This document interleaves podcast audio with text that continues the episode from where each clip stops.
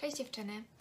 Dzisiaj chciałabym z Wami porozmawiać o mastektomii z perspektywy pacjentki, czyli na czym polega zabieg, czego możemy spodziewać się po zabiegu, jak się do niego przygotować.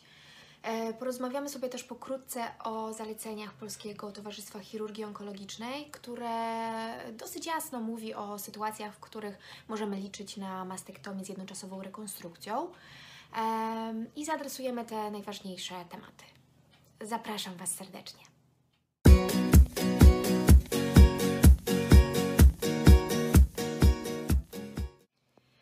Mastektomia, czyli amputacja w przypadku raka, to naprawdę w dzisiejszych e, czasach dziewczynek już taka ostateczność. E, I patrząc na trendy, można powiedzieć, że odchodzi się od mastektomii. Oczywiście też są konkretne zalecenia, chociażby Polskiego Towarzystwa Chirurgii Onkologicznej czy Polskiego Towarzystwa Onkologii Klinicznej, które mm, starają się sprecyzować, kiedy możemy liczyć na e, zabieg oszczędzający, a kiedy będzie to mastektomia. E, I nawet jeżeli jest to mastektomia, to dąży się do tego coraz częściej, aby taką mastektomię przeprowadzać od razu z jednoczasową rekonstrukcją.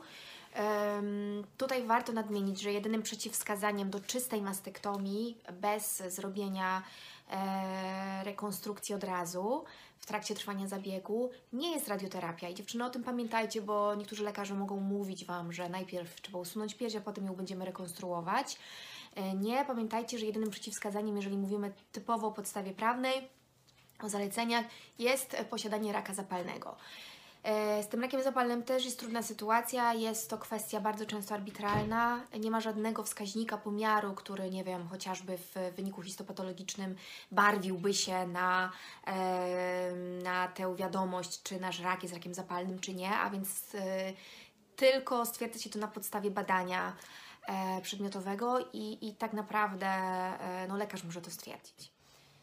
Skupmy się teraz przez chwilę na tych zaleceniach, które istnieją w zaleceniach Polskiego Towarzystwa Chirurgii Onkologicznej z 2019 roku. I są to zalecenia dotyczące diagnozowania i, i terapii e, kobiet e, bądź też mężczyzn z rakiem piersi. No więc e, takim wskazaniem, pierwszym wskazaniem, które mówi o e, możliwości przeprowadzenia amputacji, jest guz, który jest powyżej 3 cm. I to jest, słuchajcie, dziewczyny, też kwestia względna, bo nawet przy tych 3 cm czasem lekarz będzie chciał ratować pierś, będzie chciał robić zabieg oszczędzający. Trochę zależy to też od Waszej fizjonomii em, i od tego, i od takiego całościowego obrazu klinicznego. E, Ważne jest oprócz tego, że guz jest duży, e, ważne jest też, czy istnieją jakieś przeciwwskazania do mm, operacji oszczędzającej. Przez przeciwwskazania mam na myśli sytuację, w której na przykład e, macie jakąś mutację genową, która zwiększa Wasze ryzyko zachorowania na raka piersi, a więc wtedy trzeba się zastanawiać. Takie najpopularniejsze mutacje genowe to będą mutacje, o których na pewno większość z Was słyszała. Są to mutacje BRCA1, BRCA2. One bardzo znacznie zwiększają ryzyko zachorowania na raka piersi i trzeba się porządnie zastanowić, czy w takiej sytuacji nie lepiej zrobić e, mastektomię i e, na przykład połączyć ją z jednoczasową e, rekonstrukcją, jeżeli w naszym wypadku nie mamy raka zapalnego. Mi się wydaje, że czasem ten spokój nasz, naszej głowy będzie bardziej cenny niż, niż e, nie wiem, oszczędzanie tutaj piersi, wyłuskiwanie tylko tego samego całego guza, e, ponieważ gdzieś tam w tyle głowy cały czas będziecie myśleć o tym, że kurczę, że rak może wrócić, że e, co jeżeli, e, a więc e, ja myślę, że warto zrobić wszystko, co w naszych rękach jest i w naszej mocy, żeby, żeby ochronić się i zminimalizować to ryzyko.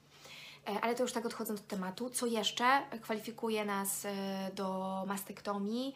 E, No też em, element podwyższonego ryzyka. Słuchajcie, możecie robić badania genetyczne, może w tych badaniach genetycznych nic nie wyjść, w sensie nie wyjdzie żadna mutacja genetyczna, ale w Waszej rodzinie pojawia się cyklicznie jakiś rodzaj raka i który przekazywany jest z pokolenia na pokolenie. Taka sytuacja też Was kwalifikuje na pewno do tych mastektomii e, profilaktycznych, ale też warto zastanowić się w przypadku, jeżeli już zachorujecie, macie guza w piersi, jest on na tyle mały, że możliwy jest zabieg oszczędzający, warto zastanowić się, czy to jest dla Was najlepsze rozwiązanie, przegadać to z lekarzem, skonsultować to z kimś jeszcze, aby podjąć tę najlepszą decyzję. Nie zrozumcie mnie źle, ja naprawdę nie, nie polecam Wam mastektomii, uważam, że jest to bardzo e, trudny e, zabieg, też z takiej perspektywy psychologicznej i dla nas bardzo obciążający mentalnie. E, natomiast e, w sytuacji, kiedy mamy raka, musimy zadbać o siebie i, i możemy zrobić to podejmując te najbardziej właściwe dla nas decyzje, biorąc pod uwagę wszystkie, e, wszystkie dane, jakie mamy w danym momencie. E, i, I to musimy wziąć pod uwagę. E, I jeszcze ostatnia rzecz, e, jaka też jest brana pod uwagę w przypadku e, rozważania mastektomii, to sytuacja już typowo związana z budową naszego ciała. Jeżeli mamy na przykład małe piersi, mały biust, a nasz guz może nawet nie mieć tych 3 cm, może być mniejszy, ale przypadku e, operacji e, oszczędzającej ten efekt estetyczny może być o wiele gorszy, ponieważ, nie wiem, mamy małą pierś, powiedzmy nasz guz ma niecałe 2 cm, w trakcie operacji oszczędzającej będzie usunięty cały guz wraz z, z bezpiecznym marginesem, po to, żeby się upewnić, że na pewno całość e, tego raka zostanie usunięta z naszej tkanki. E, I wtedy e, po zrobieniu takiego zabiegu oszczędzającego może się okazać, że ta pierś się zdeformuje, będzie krzywa, ten efekt będzie niezadowalający, a więc wtedy też można zastanowić się, czy mastektowia nie jest lepszym rozwiązaniem. Ale tak jak mówię, zostawiam to dziewczyny do, waszej, do Waszego przemyślenia. Myślę, że zawsze podejmujemy najlepszą decyzję, mając jak najwięcej informacji. I o to Was proszę, żebyście się dowiadywały, żebyście się e, nigdy starały tak do końca nie sugerować innymi. E, jasne, trzeba posłuchać ich historii, ale ważne, żeby tę decyzję podjąć w zgodzie ze sobą i swoją rodziną. E, I to jest najważniejsze. A to będziecie w stanie zrobić, jeżeli będziecie dobrze poinformowane. E, I jeszcze taka jedna informacja dotycząca rodzajów mastektomii, bo są właściwie trzy takie rodzaje, no może cztery, których się których możecie gdzieś usłyszeć nazwy i warto kojarzyć, co jest co. E, pierwsza mastektomia, mastektomia prosta. Chodzi o to, że usuwana jest cała pierś razem ze skórą, bez usuwania węzłów chłonnych. E, jeżeli one nie są zajęte, to najprawdopodobniej to będzie zabieg taki, który Wam, wam będzie zaproponowany. Albo może też być tutaj uzupełniony on o procedurę węzła wartowniczego, czyli polega to na tym, że usuwana jest Wam pierś razem ze skórą e, i usuwany jest węzeł wartowniczy, z którego pobiera się materiał do badania histopatologicznego. I wtedy w tym badaniu histopatologicznym widać, jeżeli jest zajęty ten węzeł, traktuje się to e, jako informację, że trzeba dociąć, e, zrobić tak zwaną docinkę, czyli e, dociąć węzły chłonne, które znajdują się przy piersi, żeby zabezpieczyć się przed ewentualnym rozwojem raka piersi w węzłach chłonnych. Drugi rodzaj mastektomii to mastektomia e, radykalna i tutaj to jest trochę szerszy zabieg w rozumieniu szerszy niż mastektomia prosta. Usuwamy pierś razem ze skórą wraz z mięśniem piersiowym większym.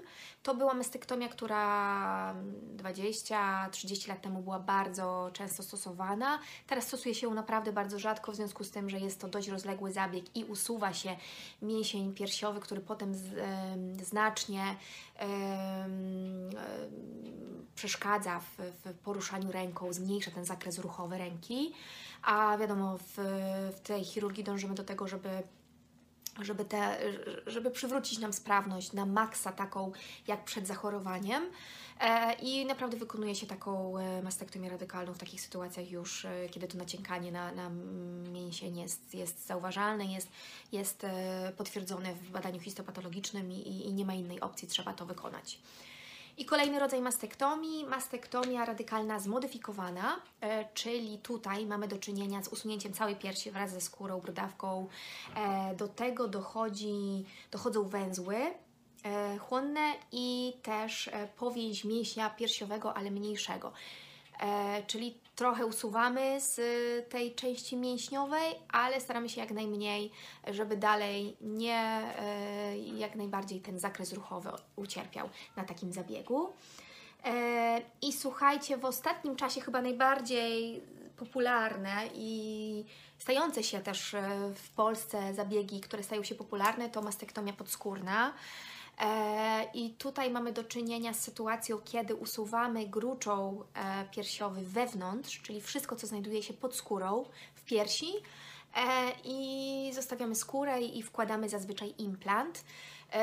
Tę operację mogą wykonywać dziewczyny, które oczywiście już zachorowały. E, natomiast dobra informacja jest też taka, że dla tak zwanych mutantek, czyli osób, które mają mutację genów BRCA1, między innymi BRCA2, mm, ta lista jest troszkę szersza.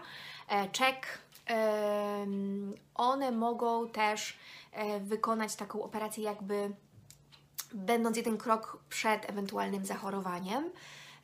Można wykonać tę operację E, aby ustrzec się przed zachorowaniem. Także taka, sytuacja, ta, taka możliwość istnieje. E, jest to możliwe też w Polsce od 2019 roku, e, także warto zdecydowanie, jeżeli jesteście w, w gronie podwyższonego ryzyka zachorowania na raka piersi lub raka jajnika, warto się zastanowić nad takim rozwiązaniem. Jak wygląda przebieg mastektomii? E, kobieta zazwyczaj przyjmowana jest do szpitala dzień, czasem e, dwa dni wcześniej. E, pobierana jest morfologia, sprawdza się jej ogólny stan zdrowia. Jeżeli wcześniej miałyście chemioterapię, to zazwyczaj ten pakiet badań macie już zrobiony, macie EKG, robione prześwietlenia, także te wszystkie rzeczy już macie i zazwyczaj tego się już nie wykonuje. Może być jeszcze wykonane jakieś USG piersi też. E, ale to już jest decyzja jakby indywidualna lekarza. E, oczywiście w dniu zabiegu trzeba być na czczo. E, wiadomo, wiele dziewczyn się denerwuje. Macie też rozmowę kwalifikującą z anestezjologiem. On pyta wszystkie Wasze alergie, jakieś możliwe wcześniejsze operacje, w których może były jakieś powikłania, może jakieś rzeczy, które chciałobyście zmienić. Ja na przykład zawsze w swoich operacjach, e, kiedy jestem znieczulana ogólnie, od jakiegoś czasu mam problem z karkiem, to znaczy mam taki ból, który jest tutaj na przedramieniach. E, po wybudzeniu się z narkozy na, w drugiej, trzeciej dobie ten ból jest strasznie taki ciężki, e, kujący, utrudniający oddychanie. E, okazało się, rozmawiałam o tym z anestezjologiem, okazało się, że to jest kwestia ułożenia mnie podczas dłuższej operacji i, i zwracam na to uwagę i teraz, kiedy o tym mówię, anestezjolog zawsze też stara się mnie tak ułożyć i ja, żebym była e, na maksa wygodnie ułożona i dobrze się czuła. w takich, wiecie, zabiegach, nie wiem, 8-godzinnych, 9-godzinnych, e, to, to, to naprawdę jest ważna sprawa. Też możecie się denerwować samym czekaniem a więc e, możecie poprosić anestezjologa o przepisanie Wam takiego środka, który bardzo Was uspokaja, ale też trochę tracicie e, poczucie z rzeczywistością. Mówię tutaj o dormikum, czyli tak zwanym głupim Jasiu. E, może będziecie się śmiały, ja, ja, ja bardzo lubię to, nie wiem jak to zabrzmi, może nie najlepiej, aczkolwiek uważam, że to e, bardzo wycisza i wprowadza Cię w taki nastrój takiego błogiego stanu. Ja w tych pierwszych swoich operacjach prosiłam o dormikum. Ostatnio przy tej takiej mojej dość dużej, rozległej operacji trwającej ponad 9 godzin e, już nie prosiłam o to, ponieważ chciałam też mieć dobry kontakt z, z personelem przed zabiegiem i chciałam pamiętać to, co się dzieje, a więc e, jakoś to już mnie tak nie stresowało. E, ale dziewczyny, nie trzeba się męczyć. Pamiętajcie o tym, zawsze możecie poprosić anestezjologa o coś, co Was uspokoi. Możecie też poprosić na, e, na noc przed operacją o podanie, podanie Wam czegoś uspokajającego. Może to na przykład być hydroksyzyna, która Was wyciszy, pozwoli Wam się zdrzemnąć te kilka godzin przed operacją. E, to jest bardzo ważne, bo potem nawet dochodzenie po operacji, taka rekonwalescencja będzie lepsza, bo organizm będzie po prostu silniejszy, bo będzie bardziej wypoczęty. E, no i co? Czyli znieczulenie ogólne, jesteście na czczo. E, taki zabieg zazwyczaj trwa, nie wiem, dwie godziny, zazwyczaj około dwóch godzin sama, sama usunięcie piersi. Jeżeli do tego dochodzi też usunięcie e, węzłów chłonnych, będzie to trwało pewnie około trzech, trzech godzin, maksymalnie do czterech całość, cały taki zabieg będzie trwał. Po operacji wybudzamy się z narkozy, e, jesteśmy trochę takie oszołomione, nie do końca łapiemy jeszcze ten taki stuprocentowy kontakt z rzeczywistością, ale dziewczyny tym się nie denerwujemy, to jest wszystko naturalne e, na ten przynajmniej etap e, operacyjny. E, Będziecie leżeć w tej pierwszej fazie, możecie obudzić się mm, z klinem, który będzie podłożony pod Waszą rękę, to zwłaszcza dla dziewczyn, które będą miały też usuwane węzły chłonne. Chodzi o to, żeby nigdzie nie pojawił się zastój e, chłonki w Waszej ręce, bo później trudniej się tego pozbyć i, i rozmasować. To się oczywiście da z czasem, jeżeli ten obrzęk nie jest za duży, ale, ale lepiej na to chuchać i dmuchać. Po operacji budzimy się z drenem. E, I też, żebyście się nie przestraszyły, będziecie miały takie przeźroczyste rurki z takim małym plastikowym drenem przyczepiony do Waszego ciała. Ten, ta rurka będzie wystawała z waszego, z waszego boku, tam gdzie została usunięta pierś. Zazwyczaj jest to gdzieś, jeżeli tu jest pierś, to, to będzie gdzieś z boku, pod piersią albo troszkę z boku. Taki dren będzie umie, umieszczony, czasem są to dwa dreny, to już e, lekarz decyduje. I słuchajcie, te dreny stają się Waszymi najlepszymi przyjaciółmi przez no jakieś e, tydzień to minimum. E, Myślę, że to jest tak zazwyczaj sie- sie- 10 dni, e, czasem ten, ten stan trwa do dwóch tygodni. Chodzicie z tymi drenami, opróżniacie je, notujecie na bieżąco po każdej dobie, ile zebrało się. Najlepiej robić to rano, czyli po prostu każdego dnia, jak się budzicie rano, mniej więcej o tej samej godzinie, sprawdzacie na drenie, ile się uzbierało płynu. I tam jest taka miarka, i to w łatwy sposób można zrobić. Ten rano, po, po zmierzeniu, tą butelkę można otworzyć, wylać nadmiar płynu i potem tylko trzeba pamiętać, że dokręcamy tę butelkę do rurki e, w formie zgiętej, czyli ta butelka, e, wysysamy z niej cały płyn, wysysamy z niej powietrze, składamy na pół i zakręcamy dopiero wtedy rurkę. W ten sposób utrzymujemy próżnię. Chodzi o to, żeby tam była próżnia, żeby ten płyn się zaciągał do drenu. Zazwyczaj różni chirurdzy mają różne jakby tutaj metody sprawdzenia, kiedy ten dren usuwać. Będziecie też mieć kontrolę w międzyczasie. Zazwyczaj pierwsza będzie jakiś tydzień po mastektomii, e, ale też e, ważne będzie, żeby tego drenu no też w miarę możliwości za długo nie trzymać, bo to też jest jakieś tam e, ryzyko zakażenia czy innych e, takich e, rzeczy, które nie będą e, pomagały w gojeniu. Natomiast e, ja się tak spotkałam, że taką regułą jest, jeżeli tego płynu na dobę zbiera się mniej niż 30 ml, to wtedy można pomyśleć o usunięciu drenu. I wtedy, w zależności od sytuacji, jeżeli coś tam się jeszcze zbiera, czujecie, że jest chłonka pod, e, pod piersią, pod cięciem, to wtedy można już odciągać strzykawką w gabinecie zabiegowym. Dziewczyny, nie ma się co martwić, to naprawdę nie boli. To wiem, że z, y, brzmi strasznie i, i może wyglądać strasznie, natomiast y, ta, ta, ta część jest bardzo odnerwiona i, i, i, i nie czuć tego. Także wyciąganie drenu nie boli e, i też ewentualne odciąganie strzykawką po części, która, w tej części, która była usunięta, e, w której była usunięta pierś, też nie boli. E, Co po mastektomii ponadto? No, jeżeli nie będziecie miały jednoczasowej rekonstrukcji, no to po prostu budzicie się z e, pustym miejscem w miejscu, gdzie miałyście pierś. I nie jest to przyjemny widok. E, Wiele kobiet obawia się tego, te, tej konfrontacji z tym, że tam nie ma piersi. Mm, Nie wiem, co Wam doradzić w tej sytuacji. E, Myśląc z własnego doświadczenia, wiem, że mm, to nie było łatwe, natomiast ja bardzo chyba, tak myśląc o tym teraz, skupiłam się na tym, e, tak podeszłam do tego zadaniowo. Wiedziałam, że muszę tak zrobić. E, Wręcz chciałam tej mastektomii, ponieważ u mnie w rodzinie bardzo dużo przypadków kobiet chorowało i zmarło na raka, więc jakby ja odebrałam to jako taką moją ostatnią szansę walki o swoje życie i o tego, że, że, dam radę. Natomiast e, no, istnieje możliwość e, poproszenia o wizytę psychonkologa, który jest e, w szpitalu, albo psychologa. Takie osoby znajdują się e, w szpitalu. Macie prawo do tego, możecie śmiało poprosić siostrę e, czy pielęgniarkę, która będzie na Waszej zmianie, żeby to zrobić. E, I też e, dziewczyny, dajcie sobie czas. E, Może nie od razu podchodźcie do lustra i patrzcie, jak to wygląda. Może trzeba chwilę poczekać. I ważna jeszcze jest kwestia, żeby po tym zabiegu mastektomii od razu się mm, starać aktywizować w tym sensie, żeby ćwiczyć powoli tę, tę stronę, która była operowana. Możecie to już robić naprawdę w drugiej, trzeciej dobie.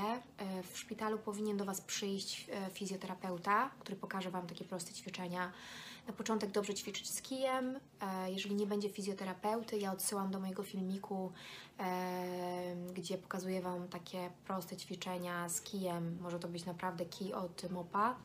E, Chodzi o to, żeby zwiększać ten zakres ruchowy. Na początku będziecie czuły takie ciągnięcia i będzie się Wam wydawało, że nigdy się Wam nie uda tej ręki podnieść, a z, czas, z czasem zobaczycie, że proszę bardzo, można ją wyprostować i naprawdę to się da, tylko to trwa. Myślę, że tak około 6-8 tygodni Wam potrwa, zanim, zanim y, uzyskacie pełny, y, pełny wyprost. Także to jest ważne i trzeba ćwiczyć od początku.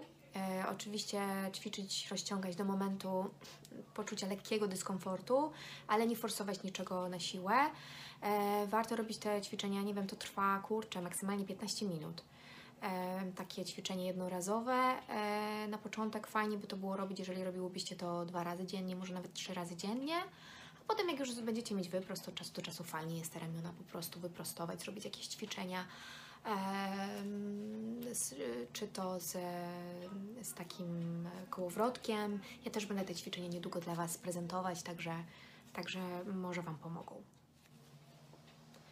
Czyli dziewczyny, podsumowując, e, jeżeli lekarz proponuje Wam mastektomię, zorientujecie się na pewno dlaczego, nie, warto pytać, nie bójcie się, starajcie się zrozumieć dlaczego tak jest.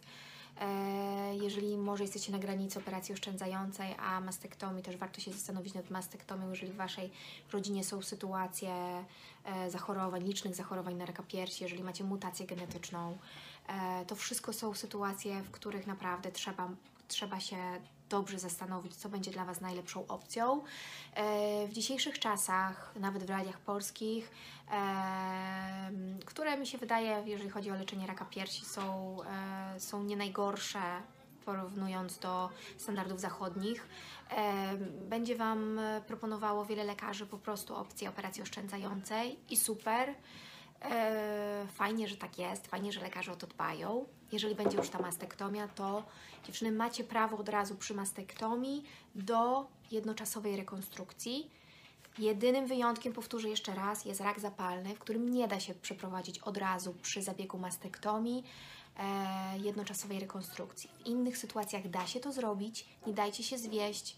E, nie wierzcie lekarzowi, który mówi, że będziecie mieć radioterapię po mastektomii i dlatego nie da się zrobić rekonstrukcji. To nie jest do końca prawda. Oczywiście będą odosobnione przypadki, kiedy tego się nie będzie dało wykonać.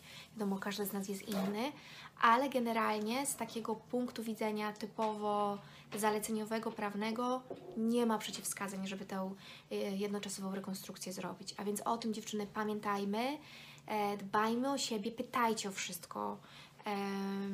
I jeżeli czegoś jeszcze nie powiedziałam, to oczywiście piszcie, zadawajcie pytania, chętnie odpowiem, podzielę się z Wami moim doświadczeniem, bo ja akurat jestem takim przypadkiem, który miał mastektomię bez e, jednoczasowej rekonstrukcji, dlatego że e, mój rak był rakiem e, wieloogniskowym, rakiem zapalnym, a więc nie dało się tutaj przeprowadzić jednoczasowej rekonstrukcji.